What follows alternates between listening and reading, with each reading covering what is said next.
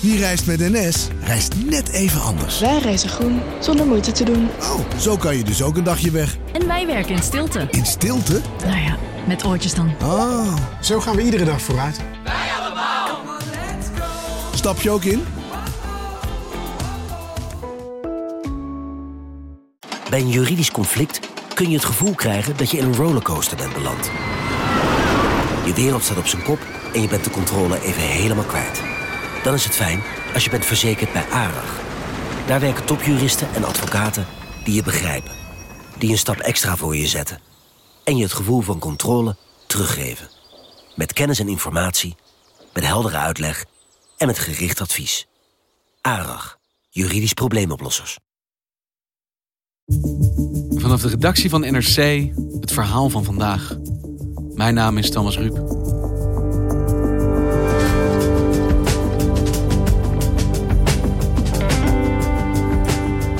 Nieuwe veiligheidswet die China vorige week invoerde in Hongkong gaat ver. Heel ver.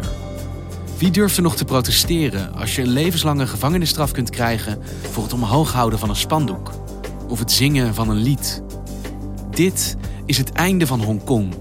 En de rest van de wereld, ziet correspondent Gary van Pinksteren, laat dit gebeuren.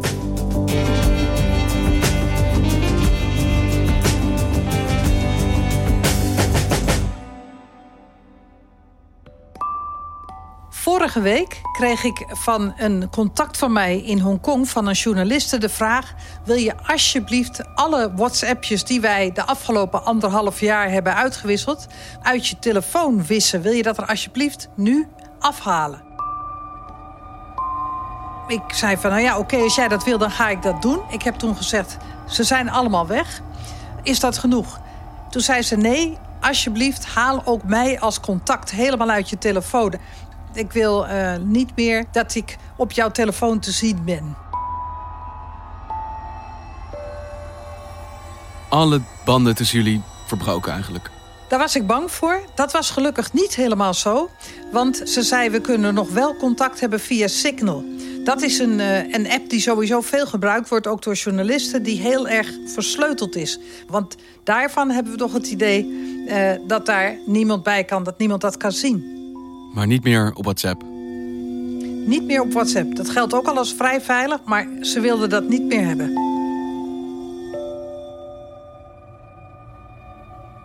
Want waarom dan? Wat is er aan de hand? Er is in Hongkong per 1 juli een nieuwe veiligheidswet aangenomen. En die wet maakt een heleboel dingen in Hongkong strafbaar die daarvoor niet strafbaar waren. Dus zij is daar ook erg van geschrokken. En uh, zij wil gewoon voorkomen dat ze op een of andere manier door die wet geraakt wordt en dat ze niet meer veilig is in Hongkong. En kun je ons mee terugnemen naar het moment dat jij hoorde dat deze wet er doorheen was gekomen? A controversial new law dramatically expanding the Chinese central government's powers in Hong Kong was imposed under cover of darkness. This was the moment China tightened its grip on Hong Kong.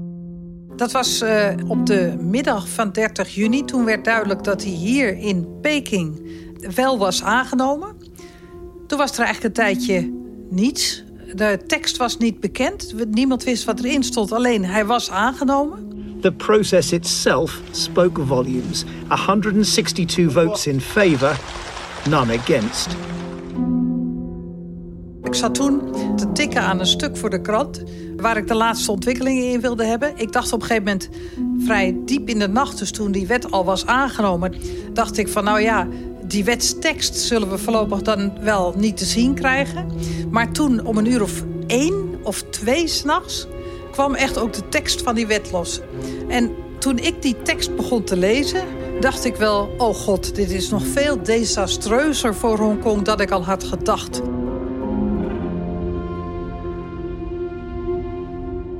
Want wat wordt er strafbaar gesteld in deze wet? Nou, dat zijn vier dingen. Eén is terrorisme. Dat is niet zo heel verrassend misschien. Een andere is pogingen om de staat omver te werpen. En dan gaat het dus ook om de Volksrepubliek China, niet alleen om Hongkong.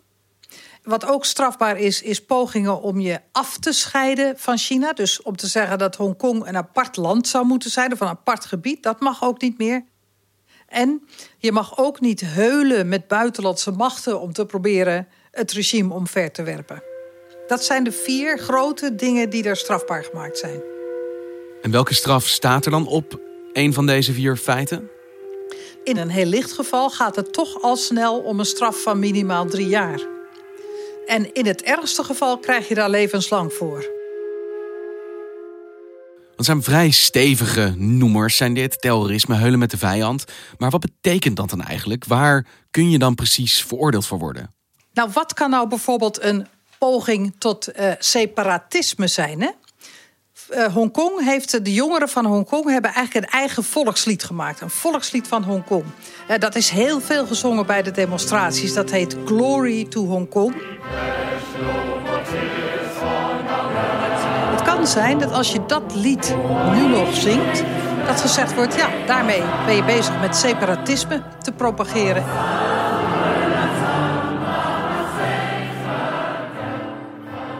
Dus dan zou je levenslang kunnen krijgen voor het zingen van een lied. In theorie wel. Ik denk dat dit misschien nog niet met levenslang bestraft zal worden. Maar je hebt wel de dikke kans dat je in ieder geval een paar jaar daarvoor de cel in draait. En je kan ook nog bijvoorbeeld uh, denken van ik spuit op de muur. Uh, lang leven Hongkong. Dat kan ook al strafbaar zijn. Uh, dat kan ook al gezien worden als een vorm van terrorisme. Dat moet ook wel een doodenge verandering zijn voor demonstranten daar. Als je de ene dag een leus op de muur kunt kalken en ja, misschien wel wat problemen kunt krijgen, maar de volgende dag voor jaren de gevangenis in kan gaan. Dat is zo. En dat is denk ik ook heel bewust gedaan om mensen niet te laten demonstreren. Het is ook niet toevallig dat die wet juist net voor 1 juli is ingevoerd. Want op 1 juli zijn er elk jaar in Hongkong grote demonstraties tegen China. Dus die, vooral die van vorig jaar was heel erg groot. Want het is de datum waarop de macht over Hongkong, 23 jaar geleden nu, is overgedragen van Groot-Brittannië aan China. Now, Hong Kong people are to run Hong Kong. That is the promise, and that is the unshakable destiny. Die wet lag meteen klaar om te kunnen gebruiken tegen demonstranten op 1 juli. En dat gebeurde ook meteen. Police in Hong Kong have made their first arrest under a new national security law. Thousands of people took to the streets today in protest. Police confronted them with water cannon, tear gas and pepper spray. De eerste waarvan gezegd is ook van die gaat veroordeeld worden... of die gaat in ieder geval een rechtszaak krijgen onder die nieuwe wet... is iemand die werd opgepakt, eigenlijk heel lullig... met een spandoekje bij zich waarop stond... Hongkong zelfstandig, Hongkong onafhankelijkheid. En omdat hij dat spandoek bij zich heeft... daarvan is gezegd, nou wij gaan hem daarvoor op die manier aanklagen. Dus betekent deze invoering van de wet dat demonstreren helemaal niet meer mogelijk is? Dat het niet meer mogelijk is om je punt over te brengen in Hongkong? Nou, ze hebben voor die 1 juli demonstratie geen toestemming gekregen. Maar ze zijn toch de straat op, gegaan. En wat deden nou een aantal van die demonstranten? Die deden heel slim. Die hadden een witte velletjes papier bij zich. Die hielden ze omhoog. Daar stond dus helemaal niets op. Dus niks had je fout gedaan qua teksten of qua wat je riep. Ze hielden ook hun mond dicht. Ze hadden soms ook een rood kruis over hun mondkapje geplakt. Zodat, om aan te geven dat ze hun mond niet meer open mochten doen. Maar het was toch heel duidelijk wat die mensen bedoelden te zeggen.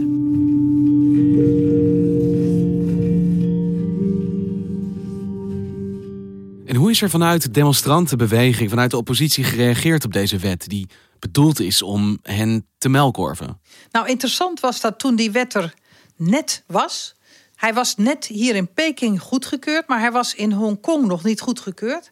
Toen ja, schrok ik eigenlijk ook een beetje, want toen is dus de bekendste activist van Hongkong, Joshua Wong. With the risk of our personal safety, with the threat of life sentencing, we might be worried and also being targeted by Beijing. Die zei: Ik stap uit de partij. En nog weer even later is die hele partij opgeheven. Dus ik dacht, nou ja, die geven het gewoon op. Die scheiden er nu mee uit. Maar dat had ik toch verkeerd gezien. Want wat zij, denk ik, heel slim hebben gedaan, is dat ze gedacht hebben van als we lid blijven van deze partij en als deze partij wordt, blijft bestaan, dan gaan ze ons onmiddellijk aanpakken met die nieuwe wet in de hand. En dan is er genoeg waar ze ons op kunnen pakken. Dus dat doen we niet. We heffen de partij op. Dus ze gaan wel gewoon door. Maar Joshua Wong zegt ook, ja, uh, het is wel zo dat er staat zoveel in die wet waarop ik zo kan opgepakt worden, dat ik vermoed dat het ook wel over niet al te lang zal gaan gebeuren.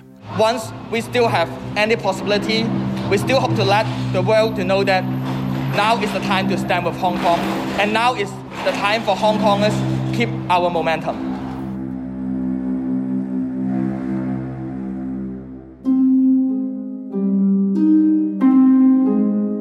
Maar er is ook een heel uh, interessant artikel in die wet, wat volgens mij nieuw is, voor zover ik weet. Wat volgens, voor zover ik weet niet in andere Chinese wetten staat. En wat ontzettend verrijkend is. Waar ik in eerste instantie ook dacht, hè, staat dat er echt? Maar het staat er echt. En wat is dat dan? Ja, dat is een wetsartikel wat bepaalt dat mensen die geen verblijfsvergunning hebben voor Hongkong en die ook niet in Hongkong wonen, onder deze nationale veiligheidswet vallen. En dat betekent, uh, simpel gezegd, als ik zou besluiten om met een spandoek Leven Hongkong, Hongkong moet onafhankelijk zijn van China, op de Dam in Amsterdam zou gaan staan, ik als Nederlander, wonende in Nederland, dat ik dan in theorie strafbaar ben onder deze Hongkongse wet. En dat ik dan het risico loop dat als ik naar Hongkong ga, dat ik dan word opgepakt omdat ik in Nederland heb gedemonstreerd op de Dam voor onafhankelijkheid van Hongkong. Dus iedereen ter wereld die deze wet zou overtreden, maar zelfs in zijn eigen land, die iets kritisch zegt over de relatie China-Hongkong, kan in theorie de volgende keer dat hij in China komt worden opgepakt. In ieder geval de volgende keer dat hij in Hongkong komt en waarschijnlijk ook de volgende keer dat hij in China komt.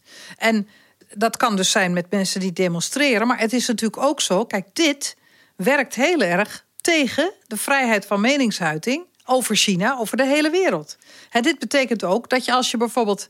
Eh, ja, dat als je eh, in een krant schrijft of in een, op een site schrijft of iets zegt op de radio waarin je je uitspreekt tegen wat China doet in Hongkong, dan ben je daarvoor in Hongkong en in China strafbaar. En ja, dat, zo zout heb ik het nog nooit gegeten, zeg maar. Zoiets staat volgens mij niet in eerdere veiligheidswetten van China ook. Dit is echt een heel vreemd element. Kijk, het zal heus niet betekenen dat meteen als iemand in Nederland iets schrijft over Hongkong wat China niet zint, dat daar meteen gevolgen aan zitten. Maar ik denk dat het wel degelijk bedoeld is om iedereen over de hele wereld af te schrikken om dingen in het openbaar te zeggen die tegen China gericht zijn. En om ook een waarschuwing te geven van in ieder geval, als je dan bij ons weer binnen bent, dan ben je strafbaar en dan kunnen we je in principe opsluiten of oppakken. Hoe is er dan op gereageerd vanuit de internationale gemeenschap? Want als ik die wet zo hoor uitgelegd, zoals jij me dat nu vertelt, dan denk ik, dan moet het hier in de Tweede Kamer ook over gaan. Dit grijpt in op ons ook. Ja, nou, dat aspect heb ik nog weinig reacties op gehoord. Internationaal begint ietsje meer te komen, dat mensen daar ook alert op zijn. En sowieso, als je kijkt naar de reactie van Nederland bijvoorbeeld op deze nieuwe wet. Ja, wij betreuren dat, wij vinden dat naar, wij vinden dat erg. Maar echte actie zie je heel weinig. Zo'n krachtige reactie uit Europa, laat staan Nederland, blijft uit. Hoe voelen ze dat binnen Hongkong? Nou, dat heb ik dus gevraagd ook aan die journalisten bijvoorbeeld. Hè? En die zei, ik had het wel verwacht dat er geen sterke reactie zou komen. Maar ik ben toch wel ook teleurgesteld. Maar ze zegt, het is heel erg moeilijk te verwachten van landen die zelf in een recessie dreigen terecht te komen. Die ook te maken hebben met, met corona natuurlijk nu. Hè? Dat die zich dan voor zoiets als dit heel erg inzetten. Ze zegt, ze hadden het op geen beter moment kunnen doen. Ze doen het op het moment dat iedereen eigenlijk druk is met zijn eigen grote problemen. En dat er dus weinig actie komt. Maar China heeft die ruimte gezien dus. Nu is het moment, die ruimte genomen en ze komen er ja. mee weg. Ja, ze komen er mee weg. En binnen Hongkong, hoeveel bewegingsvrijheid hebben mensen daar nu nog? Hoe gaat China controleren dat iedereen zich houdt aan deze wet? Wat ze, denk ik, heel strak gaan controleren, zijn de sociale media. Facebook, Google, and Twitter suspended processing government requests for user data in Hong Kong on Monday. The moves come in response to China's establishment of a sweeping new national security law for Hong Kong.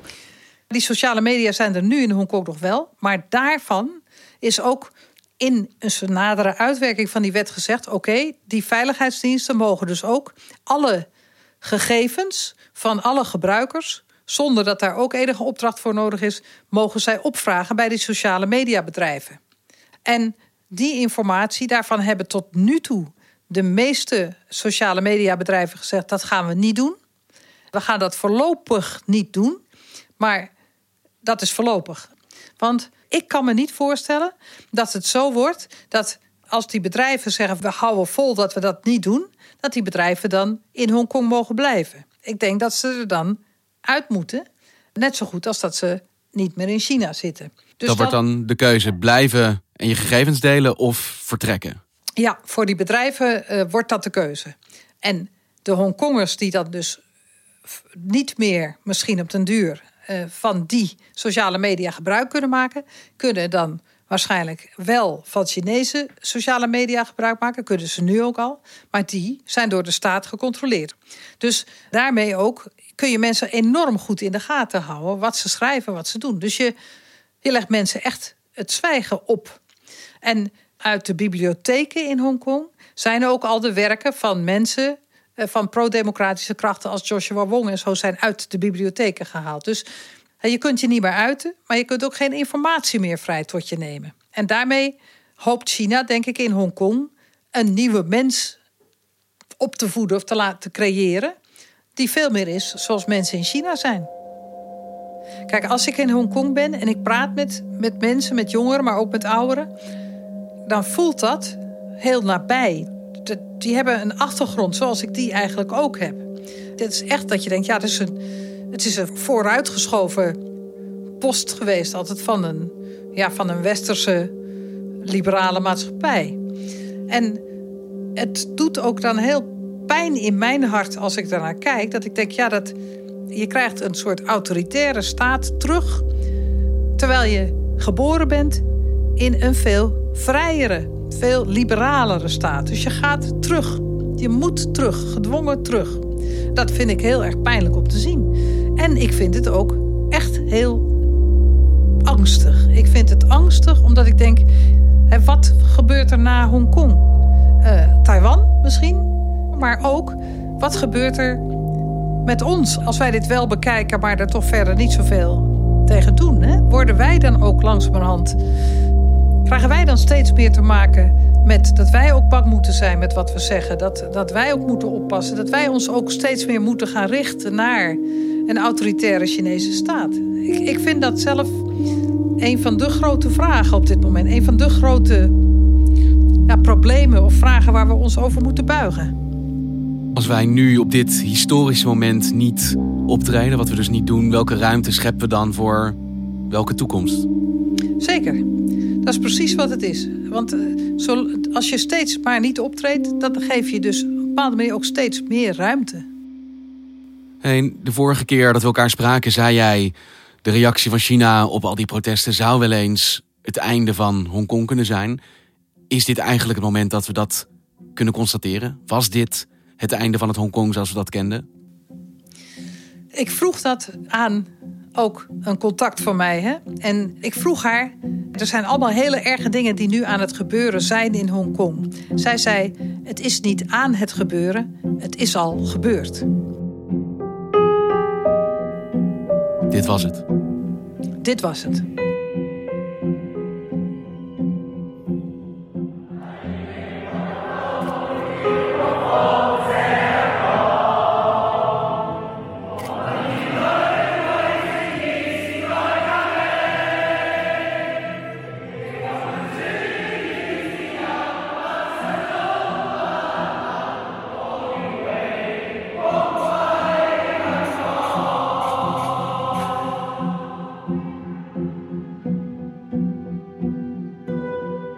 Dankjewel, Gary. Graag gedaan.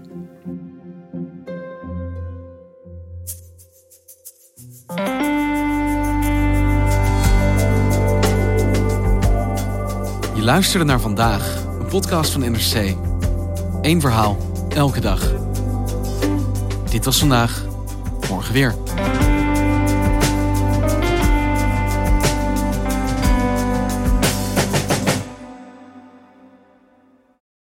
De financiële markten zijn veranderd, maar de toekomst, die staat vast. We zijn in transitie naar een klimaatneutrale economie. Dit biedt een van de grootste investeringskansen van onze generatie. Een kans voor u om mee te groeien met de pioniers van morgen. Meer weten? Ga naar carbonequity.com. Carbon Equity. Do good by investing better.